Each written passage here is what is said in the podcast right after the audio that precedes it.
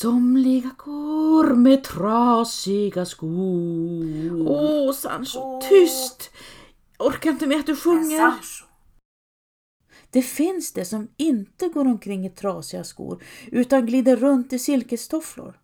Spana mot dem istället, har jag ju sagt. Kom igen Sancho. Det gör dig inte mindre lojal. Karl XV är känd som en notorisk storkonsument av kvinnor. Han avverkar dem i snabb takt av oräkneliga ungar ute på bygden. Det räcker tydligen med att Karl XV fanns i närheten just då för att det ska räknas som bevis. Och att han aldrig erkände något av barnen gör saken ännu mer spännande. Det är som att Karl XV befolkat hela världen. Förutom amorös kvinnojägare är Karl XV militär, poet och en skicklig bildkonstnär. 1849, vid 23 års ålder, förlovar sig Karl med Lovisa av Nederländerna som är tre år yngre och som omedelbart blev förälskad i hans ståtliga yttre, alltså enligt hovet. Äktenskapet är ett politiskt arrangemang och Karl ställer sig skeptisk. Han uppträder frostigt och måste till och med övertalas. Ingen verkar bry sig om att kontakten mellan Karl och Lovisa både är trevande och stel. Fördelarna med Lovisa är hennes höga börd och dyra hemgift, medan resten är nackdelar. Lovisa underkänns av societeten. Hennes utseende är charmlöst, säger man. Hon är blyg och osäker och usel på att hålla salong. Karl dansar förbi. Han festar och flänger runt. Lovisas språkkunskaper och kunskaper i historia och matematik är ingen intresserad av.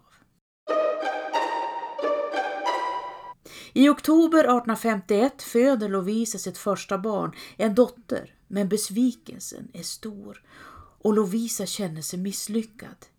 Inte ens det klarar hon av, att avla en son. Karl däremot är glad och han tröstar henne. Nästa gång blir det en pojke, säger han. Och det blir det. Guldprinsen Karl Oskar Fredrik Wilhelm föds i december året efter. Han beskrivs som det vackraste barn man kan tänka sig. Det är annorlunda mot hans äldre syster, som är lik sin mor och är ful och klumpig, sägs det. På nyåret, två veckor senare, blir Lovisa sjuk. Hon drabbas av återkommande svimningar och kan omöjligt föda fler barn, meddelar läkarna. Lovisa är förtvivlad och erbjuder Karl skilsmässa så att han kan gifta om sig och bli far till fler barn. Men Karl avböjer. Han har en ny älskarinna, Slossan, som han ägnar sin tid åt medan Lovisa koncentrerar sig på barnen och sina välgörenhetsprojekt. Året efter insjuknar lillprinsen i mässling. Och av någon anledning ordinerar läkaren honom ett iskallt bad. Prinsen drabbas av lunginflammation och dör. Lovisa skriver året efter. Jag begråter med lilla ängel. Trots att det snart gått ett år är jag uppfylld av sorg.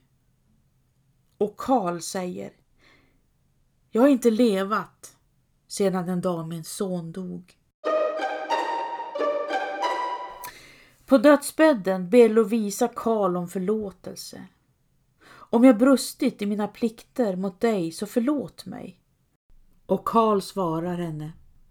Och det är du som anklagar dig för detta. Silkestofflor eller trasiga skor. Vad säger du Sancho?